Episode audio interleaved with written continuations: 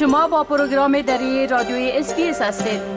گزارشات عالی را در sbs.com.au دری پیدا کنید. حال جاوید روستاپور خبرنگار پروگرام دری در جنوب آسیا. درباره تازه ترین رویدادها درباره افغانستان صحبت می‌کنند. آقای روستاپور سلام عرض می کنم خب اولتر از همه گفتم میشه که انفجار کشنده در کابل عکس های بسیار شدید و تقبیح کننده را برانگیخته. بله؟ با سلام و وقت شما بخیر. آقای شکیب بله امان گونه که شما اشاره کردین انفجار مرگبار روز جمعه در نزدیکی مسجد در غرب کابل با واکنش های زیادی سیاسیون مقام های حکومت پیشین و همچنان کاربران شبکه های اجتماعی همراه شده. آمد کرزی رئیس جمهوری پیشین افغانستان این رویداد را جنایت ضد بشری خوانده و بر همگرایی و همسویی شهروندان افغانستان تاکید کرده. آقای کرزی گفته که دشمنان مردم افغانستان در صدد افتراق و تفریقه میان اقوام هستند. به همین ترتیب عبدالله عبدالله رئیس پیشین شورای مصالح ملی هم گفته که حمله به اماکن مذهبی جنایت نابخشودنی است و هیچ توجیه ندارد. آقای عبدالله در اعلامیه ای که در صفحه فیسبوک خود نشر کرده حمله به اماکن مذهبی را گفته که بزدلانه است و تاکید کرده که این مسئله نباید که سبب تفریقه میان مذاهبی که پیروان مذاهب در افغانستان شود. به همین ترتیب امرالای ساله معاون پیشین ریاست جمهوری افغانستان گفته که طالبان و داعش در پی عزو جامعه تشیع هستند. ساله در فیسبوک خود در یک اعلامیه گفته که داعش با قتل و وحشت و طالب با دسیسه و تبعیض در پی حذف این کار ناپذیر از حضور اهل تشیع در افغانستان هستند. شهرزاد اکبر رئیس پیشین کمیسیون مستقل حقوق بشر در یک اعلامیه بسیار کوتاه گفته که از چیزی که ما می ترسیدیم حمله های هدفمند به جامعه شیعه و هزاره بود که یک کابوس بود و این با گذشت هر روز در حال فربه شدن است. همچنان گزارشگر ویژه سازمان ملل در مورد وضعیت حقوق بشر در افغانستان انفجار روز جمعه را محکوم کرده. ریچارد بند گفته که عمله وحشتناک دیگری به هزاره ها ادامه جنایت است که داعش مسئولیت آن را پذیرفته.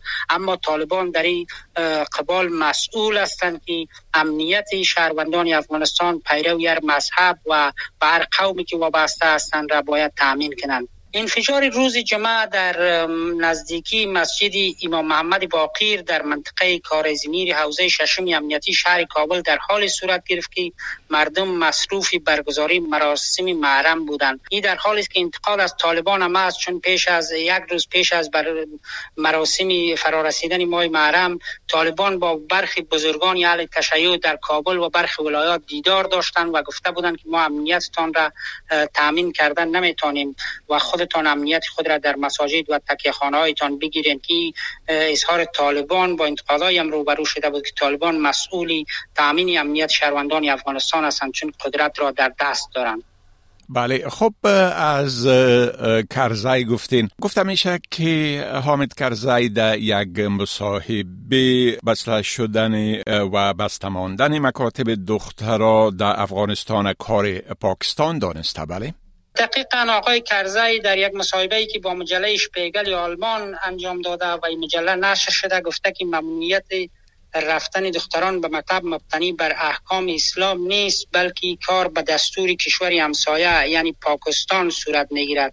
این نخستین سخن کرزی پس از به قدرت رسیدن طالبان با آدرس پاکستان است که واکنش برانگیز شده. آقای کرزی همچنان گفته که هدف پاکستان یک افغانستان بی‌دفاع ضعیف و فقیر است که از سوی آن هیچ مشکلی متصور نباشد. رئیس جمهور پیشین در بخش این مصاحبه خود گفته است که بدون زنان تحصیل یافته ما یک کشوری مرده هستیم. بدون اینکه به اداره طالبان اشاره کنه و طالبان گفتن نمی‌توانند دستاوردهای 20 سال گذشته را از مردم ما بگیرند. کرزی گفته که در نزدیک به یک سالی که طالبان بر افغانستان حاکمیت دارند آزادی سیاسی آزادی مدنی از افغانستان گرفته شده و به خودش اشاره کردم چنان که در طول یک سال در عصر خانگی به سر می‌برد و اجازه ندارد که به ولایات افغانستان سفر کند و همچنان اجازه ندارد که به بیرون از افغانستان سفر کند.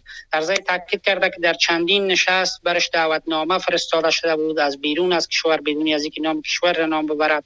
ولی گفته به دلیل از اینکه اجازه نیافت که در این نشست ها اشتراک کند بله خب گزارش ها میگن که شماری از افغان های اهل هنود به خاطر بیامنیتی کشور ترک کردن. بله. ده ها شهروند سیک افغانستان که پس از تسلط طالبان بر این کشور عرصه زندگی بر آنان تنگتر شده بود. کشورشان را ترک کرده و رسپار کشور هند شدند. بر بنیاد گزارش ها حدودی سی خانواده سیک که زنان مردان و کودکان شامل را شامل می شدند روز گذشته در یک پرواز هوایی شرکت خصوصی کام ایر کابل به مقصد دهلی ترک کردند. اقلیت های سیک افغانستان مانند دیگر اقلیت ها همواره هدف خشونت و ضرب و شتم گروه ها قرار می گرفتند که در تازه ترین مورد هم چندی پیش گروه داعش یک معبدی از یار در کابل هدف قرار داد به تاریخ 18 جون که سبب کشته شدن شماری از این شهروندای سکی افغانستان شد. رسانه های ایندی گزارش دادند که هنوز 110 شهروند سک در افغانستان باقی مانده و در حال حاضر 16 درخواست ویزای الکترونیک آنان در ادارات مربوطه حکومت این زیر کار است و به ترتیب تمامی اهل اونود افغانستان را برنامه دارد که از افغانستان بیرون کنه در همین حال همه کسایی که دیرو روز گذشته افغانستان را ترک کردن به برخی رسانه ایندی گفتند که طالبان پشت دروازه های خانه از یا در منطقه کارته پروان کابل می آمدن و برشان می گفتند با بزرگایشان با کسایی که در عبادتگاه از یا بودن چند بار جلسه کردن گفتن که ما با شما کار نداریم ولی زمینه سازی کنین که افغانستان را ترک کنین. به دلیل از اینکه شاید شما مورد ضرب شتم قرار گیرید شاید مورد خشونت قرار گیرین از طرف افرادی گروه که ما نتونیم او را پیدا کنیم. بله.